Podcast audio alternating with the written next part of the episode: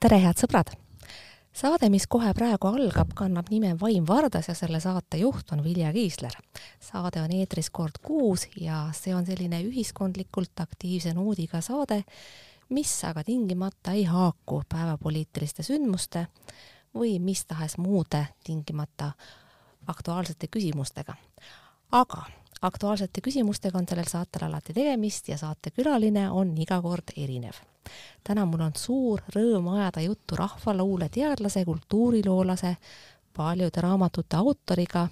Marju Kuivupuuga, kes on teretulnud külaline igasugustes saateformaatides, muuhulgas kirglik mälumängija ning akadeemiliselt üliaktiivne persoon, kellest oleks viimati ääre pealt saanud akadeemik ja kord kindlasti saab, lihtsalt see ei juhtunud eile, pole kahtlust. lugematute tunnustuste, auhindade ja preemiate laureaat, kõige muu hulgas minu armas õpetaja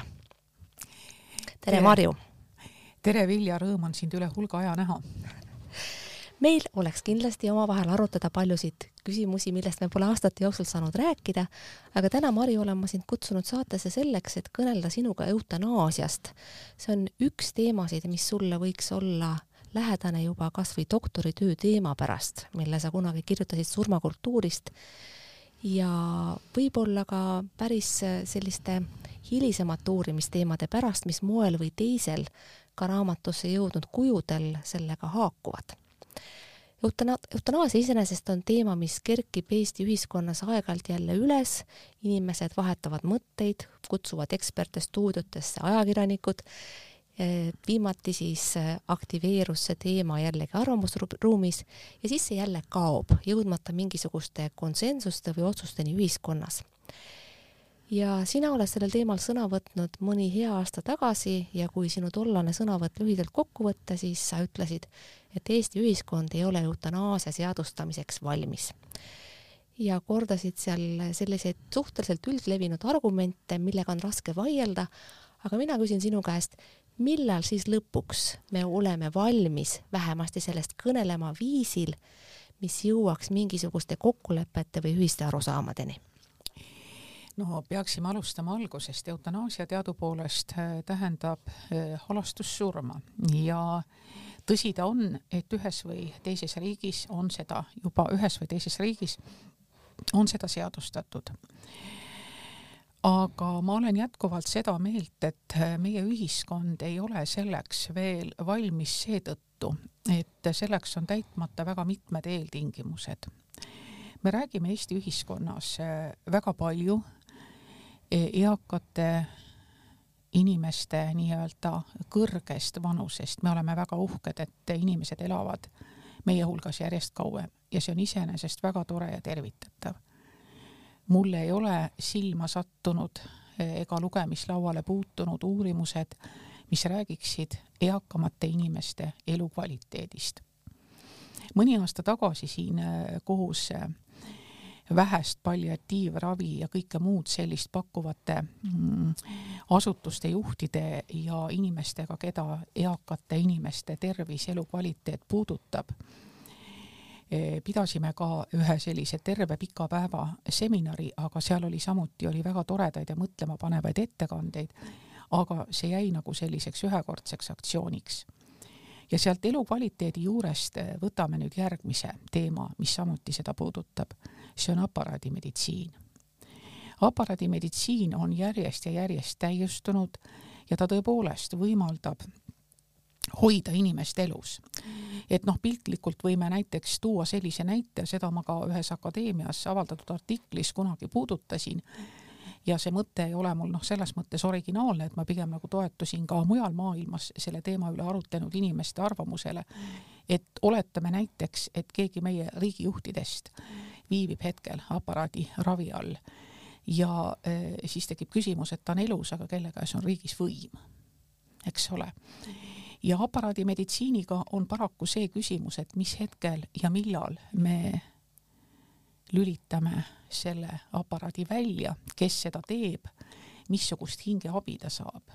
aga Marju, mul on sulle ettepanek, läheme siinkohal konkreetsemaks, sa esitasid väga olulised küsimused, mis alati sellest debatist läbi käivad, proovime seekord ka vastata, sest me ilmselt oleme sinuga ühel nõul selles, et mingil hetkel tähendab see aparaadimeditsiin inimese aitamise asemel tegelikult tema piinamist, eriti olukorras, kus ta oma kannatustest, olgu need füüsilised või vaimsed, enam märku anda ei saa no siin on praegu tulnud juba uus teema, mis on patsiendi testament ja mis on ka Eesti ühiskonnas suhteliselt uus. me räägime praegu eh, nii-öelda elundite loovutamisest, aga meil ei ole ka noh, väga paljudel on, kas on siis näiteks randmepaelad või on kusagil, kas kellel siis rahakoti vahel või, või mobiiltelefonis või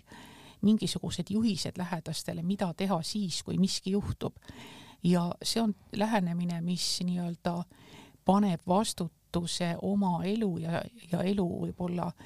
lõpu viimaste aegade eest võtab nii-öelda inimene endale, et ta ei jäta nagu seda mitte kellegi teise otsustada. aga praegusel hetkel on minul ju võimatu oma lastele kuskile kirja panna ja öelda, et teate, teate, lapsed, teate, armsad sõbrad, kui ma jään vanaks ja nii haigeks, et ma aparaatide all enam väljendada ei saa, et minu kannatused ei vääri enam elu, siis paluge arste, et nad lülitaksid aparaadid välja, see on täiesti õigustühine dokument. täpselt niimoodi. Ja see on ka, et ka minul on oma lastega nendel teemadel juttu olnud, et, et mida ja kuidas,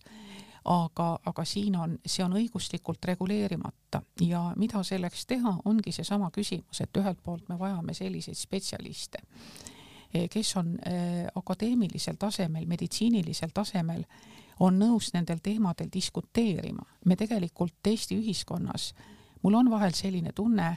et eh, me väldime ebameeldivaid teemasid ja teisalt ma saan sellest aru. Mm, see on nüüd väga valus märkus, mis ma teen, aga ütleme, riigi elu korraldavad poliitikud ja need, kes poliitikasse saavad, kui ma vaatan nende CV-sid, haridust ja elukogemust,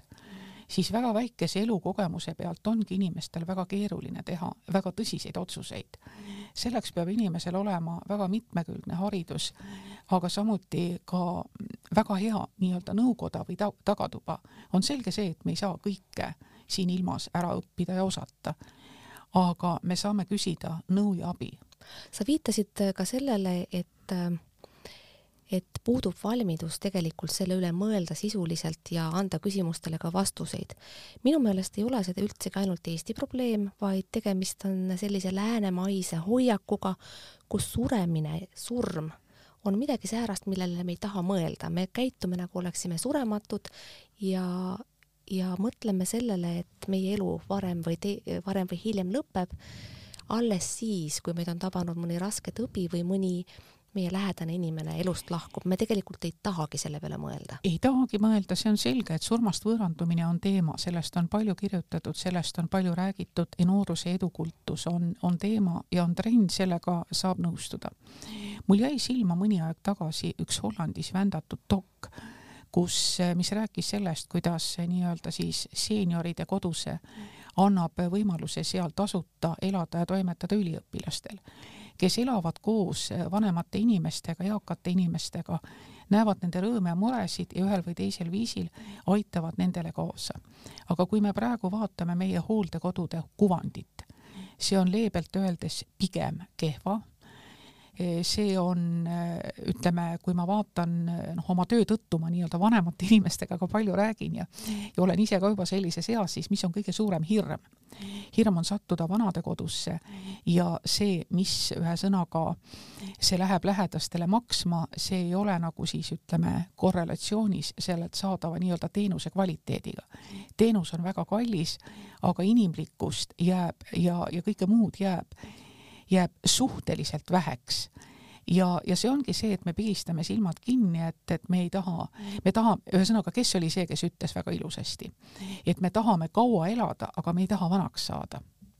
vanaks saamine on isegi minu meelest kohati peaaegu nagu häbiväärne, et ma olen märganud, et inimesed vähe, häbenevad vahel sellest rääkimast, rääkimist, kuigi see on midagi, mis on ju päris loomulik, et meist keegi nooremaks ei lähe, vaid kõik jäävad vanemaks. kõik jäävad vanemaks ja, ja kui kui me vaatame näiteks noh, ütleme Eestis naiste ajakirju, mida on ju lademete kaupa, kes, kes neid jaksab küll läbi lugeda, seda ma ei tea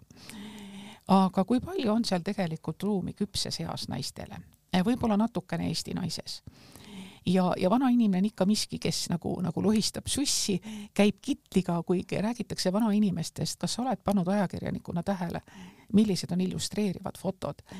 erakordselt näotutes pidžaamades kusagil sussi lohistavad rulaatoriga olendid tahaksin nende kohta öelda, kes on elanud võib-olla väärika elu, kes on väga palju panustanud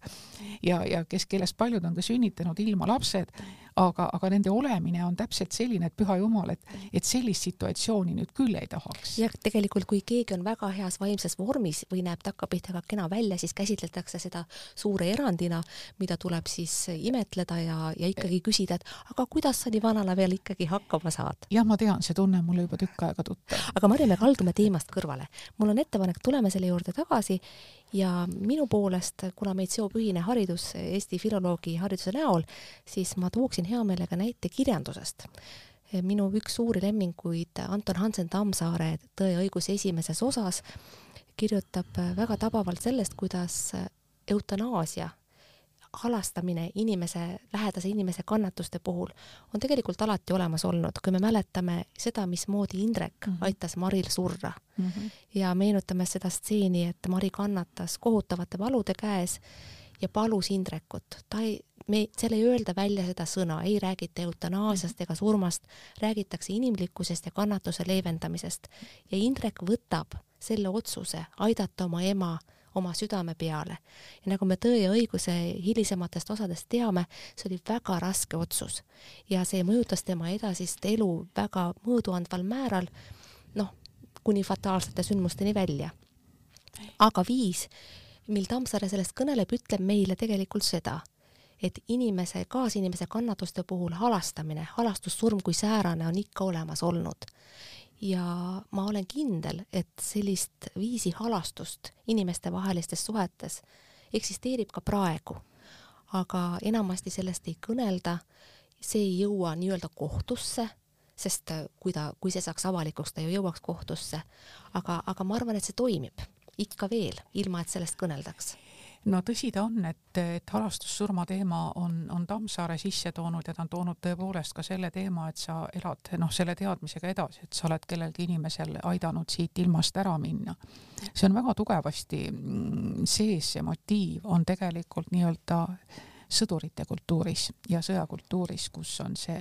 halastussurma teema, kui sa näed, et inimene on juba selliste viga, vigastustega, ta piinleb, siis toimub teadagi, teadagi mida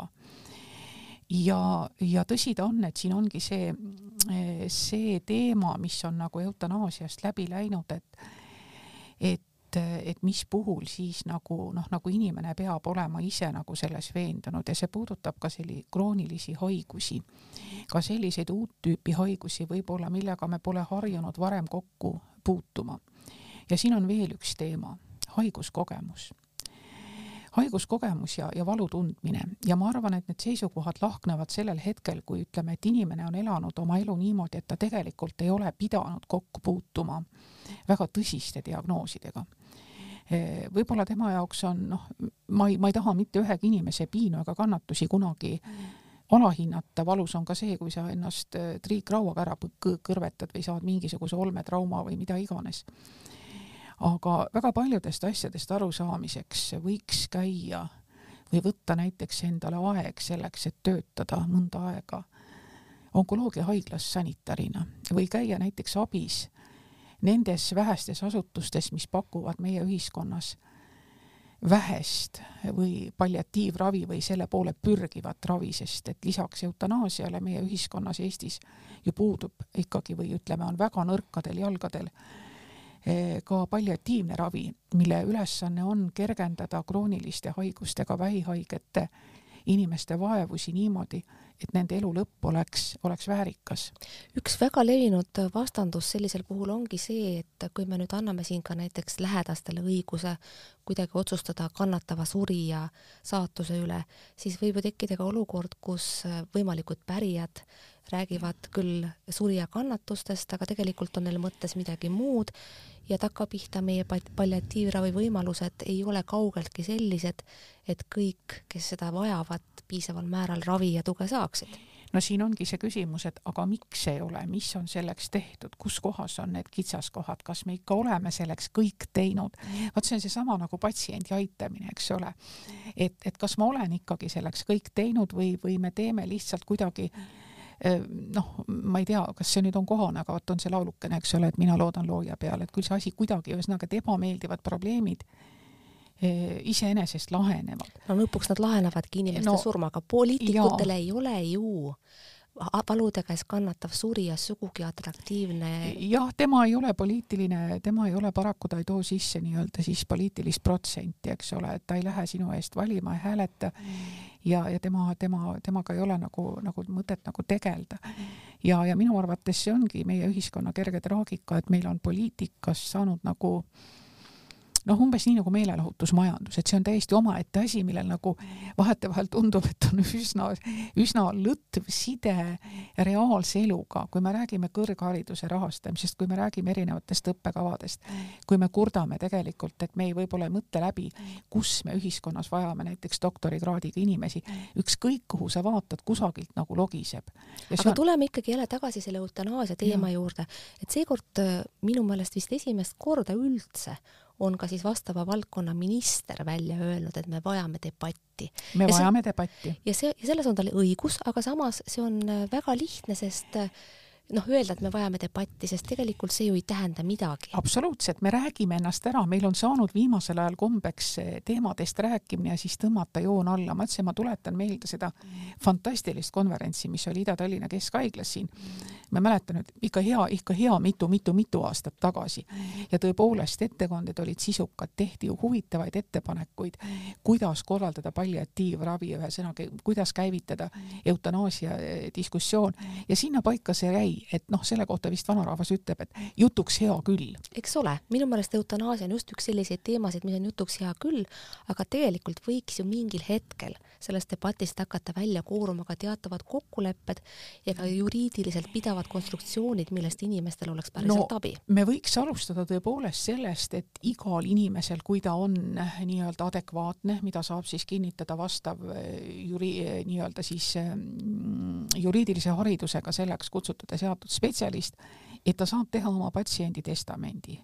mida on võimalik siis noh, näiteks teatud aja jooksul muuta.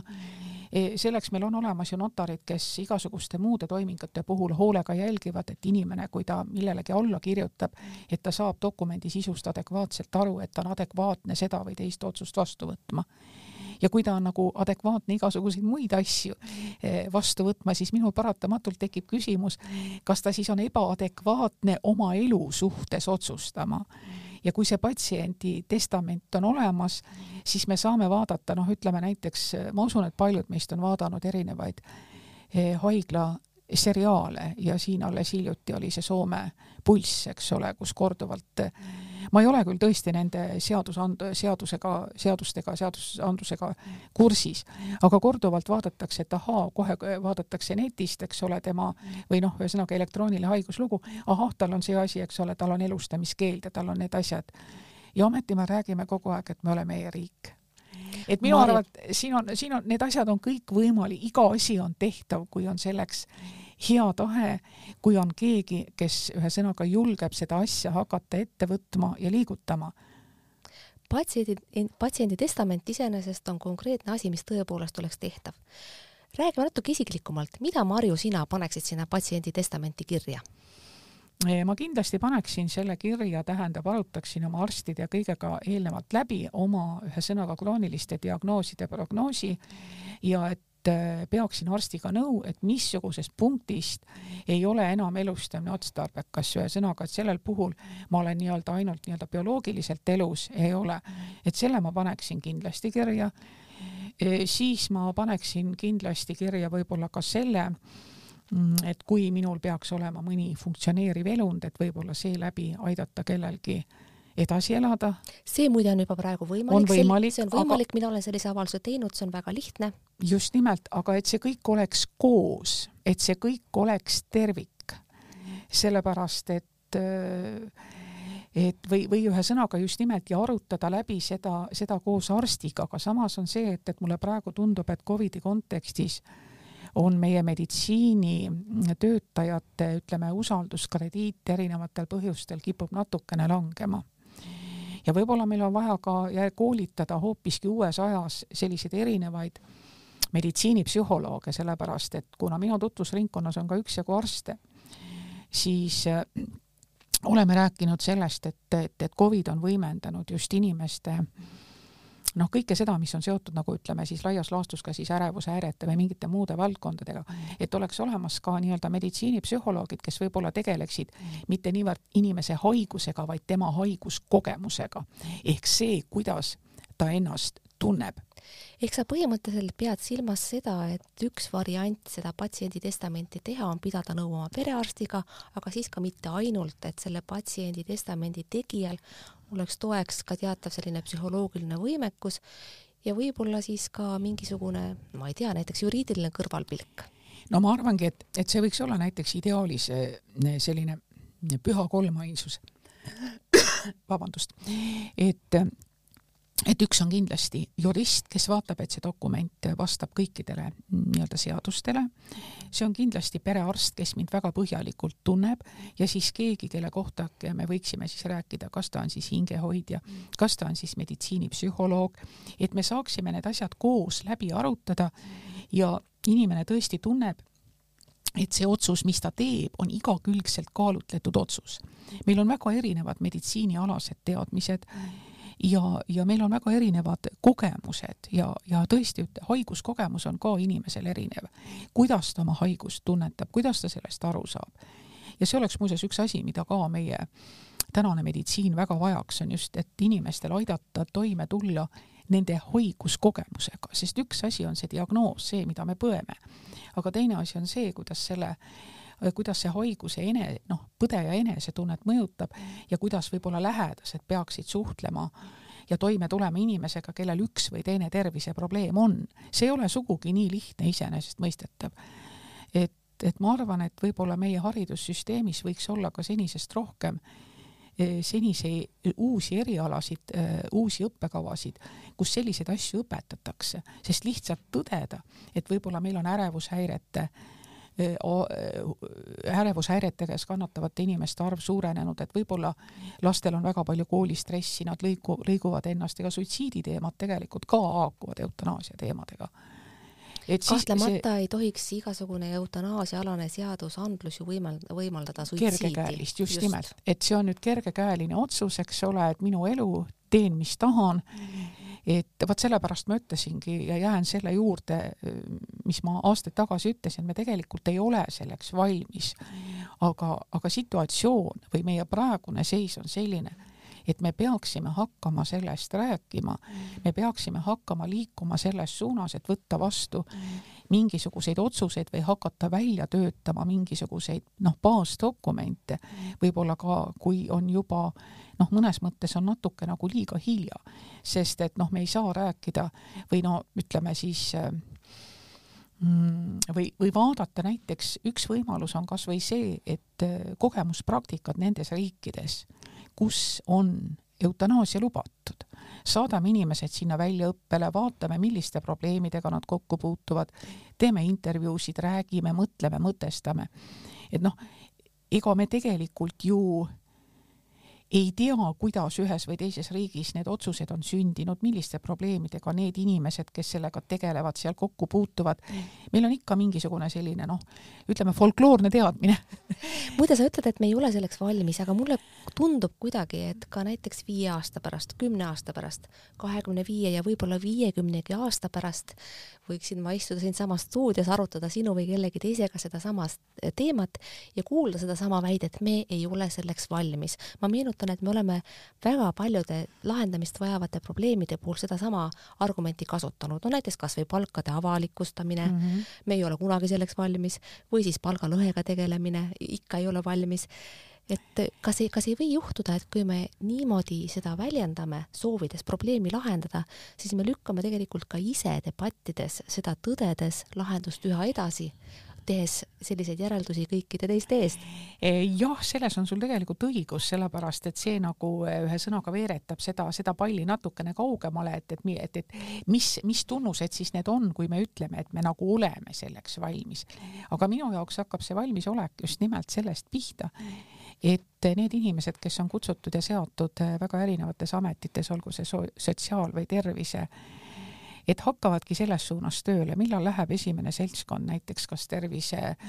Terviseametist või mingisugusest teisest institutsioonist näiteks tutvuma, et me teeme näiteks või peame, peame mingi webinari või, või anname teada, et vot me oleme sellega tegelenud ja teg-, siis kui hakkavad sellised asjad tulema kus hakkab, kus on võib-olla teaduslik analüüs, populaarteaduslik käsitlus rahvale arusaadavalt seletab, no kuulge, me ei saa isegi selle, me ei saa praegu Covidi pandeemia puhul ma eh, endi nii-öelda omal ajal väljaõppe saanud rindõena, ma, mul tõusevad kuklakarvad püsti, kui palju elementaarselt täiesti loogikavastaseid korraldusi tuleb nii-öelda ülevalt poolt lihtrahvale, nii-öelda lihtrahvale alla, tavalisele inimesele. ja siis ma üldse ei imesta, miks asjad on nii, nagu on. me ei suuda kommunikeerida ka kõige, kõige lihtsamaid asju, sellepärast et need keelud, käsud, korraldused käivad üksteisele risti vastu, nad on ebaselged, nad laperdavad. no siis sellest ma järeldan, et tegelikult sa ei oota selle debati initsiatiivi sugugi mitte valitsuselt, konkreetselt ministrilt või mõnes riigi, mõnelt Riigikogus esindatud erakonnalt, vaid kuskilt mujalt. kes peaks seda debatti vedama viisil, et see jõuaks ka mingite teatavate kokkulepeteni? ma arvan kindlasti, et meedikud, psühholoogid kiriklikus kontekstis ka hingehoidjad, kes tegelevad, siin on nagu jah, mitu poolt, eks ole, et ütleme nende inimeste jaoks, kes kelle maa, maailmavaade võib-olla on, ma ei tahaks öelda ateistlik, aga kelle maailmavaade ei ole nagu nii-öelda klassikalises mõttes religioosne. et, et noh, see sõltub ju sellest, kuidas sa nagu oma elu mõtestad ja, ja, ja ma arvan, et võib-olla peaksime alustama päris algusest. me tegime siin üliõpilastega neid eluprojekte mõned, mis käsitlesid surma teemat koolis ja seal oli ka mul meedikutest üliõpi või noh, ühesõnaga, kes puutuvad nagu igapäevases elus kokku ka meditsiiniliste probleemidega sünnitusmajade, eh, sünnitusmajades töötavad õed ja ja ütlevad niimoodi, et kui noored tulevad eh, sinna vaatama, et siis tegelikult nad tahavad teada ka kõike surma kohta, et me peame, ühesõnaga me koolis räägime hästi palju seksuaalsusest. me räägime sellest, kuidas inimene, kuidas inimesed paljunevad, aga, aga me ei räägi sugugi sageli sellest, et teinekord ka tõesti loode võib peetuda või kõik lapsed ei sünni elusa ja tervena. et me peaksime alustama sellest, kui, kui inimene Mm, või ühesõnaga, et me alu, peaksime alustama nagu kooliharidusest juba ka rääkima lastele, rääkima lastele surmast, leinast, kaotusest, ka sellest, et võib-olla eakaaslased, kuidas sellega toime tulla, mida see tähendab, meil on väga hea, palju head lastekirjandusest, kirjandus sellest võru ja eesti keeles kirjutavalt Triinu Laanelt ilmus näiteks suurepärane Luugere Juhani lood mõni aeg tagasi ja, ja on väga palju neid teemasid. aga väga õpetajad ütlevad täpselt samamoodi, et seda oleks vaja, aga kes on nüüd see, kes nagu julgeb selle esimesena nagu lahti teha? ehk siis tegelikult sa viitad sellele, et selle debati küpseid osalisi tuleks meil endil alles kasvatada ja. ja alles siis loota selle peale, et me saaksime seda diskussiooni pidada seda kvaliteetselt ja jõuda ka kokkulepeteni. sa viitasid juba ka religioonile ja see on tegelikult see, millest ma tahaksin selles teemas veel ka eraldi kõnelda, sest mulle tundub, võib-olla niimoodi lihtsustavalt väljendatud korras, et äh, ühiskondlikus ruumis seda arutelu saab pidada eeldusel, et selle osalejad on ateistid, sest religioossete inimeste jaoks on see teema laetud hoopis teistmoodi ja kristlase jaoks eksisteerib ikkagi vaidlustamatuna seisukoht, et mida Jumal on andnud, seda ei pea inimene võtma. No nii, tõsi ta on, et me ei ole, see on ka üks teema muuseas, mis aitab ütleme siis suitsiidi teemaga tegeleda, et sa ei ole endale ise elu andnud, järelikult sul pole õigust otsustada, aga me peame nad ikkagi debatti kaasama. Eh, kuidas, sellepärast et noh, võtame kasvõi sellesama tuhastusmatuse, eh, mis ju ka, eks ole, läks aega enne, kui näiteks luterlik kirik seda juba aktsepteeris ja töötas välja vajalikud rituaalid, katoliku kirik seda aktsepteerib, õigeusu kirik mulle teadaolevalt praegu veel ei, ei aktsepteeri inimese tuhastamist et ka nende, need teemad tuleb ka viia just nimelt nendesse kogukondadesse ja vaadata ja lasta neil rääkida, lasta neil mõtestada. ja, ja mitte ainult kristlaskond, vaid väga erinev uskkond, meil on siin, Eesti on selles mõttes on religioosselt väga rikkalik maa, et eh, rahvaarvuga, et kui me võtame erinevad religioossed rühmitused ja jagame rahvaarvuga, siis see pilt on väga kirju ja, ja lasta rääkida väga erinevatel religioossetel gruppidel, kuidas nemad näevad. et me ei saa nagu, nagu piirduda ainult nende inimestega, kes tõepoolest võib-olla näevad seda, et, et see, mis me siin maailmas toimetame, et meie elu on ajalik, kui aeg on sealmaal, siis lülitatagu lamp välja nii-öelda, kustutame tuled ja probleem on lahendatud, et see on keerulisem. ja, ja, ja, ja me peame ka, inimesed peavadki nagu äh, see debatt ühesõnaga, see peakski algama ka nagu sealt, et kuidas erinevad maa, erinevate ilmavaadetega inimesed üldse näevad elu ja surma, surmajärgsust, elu lõpetatavust,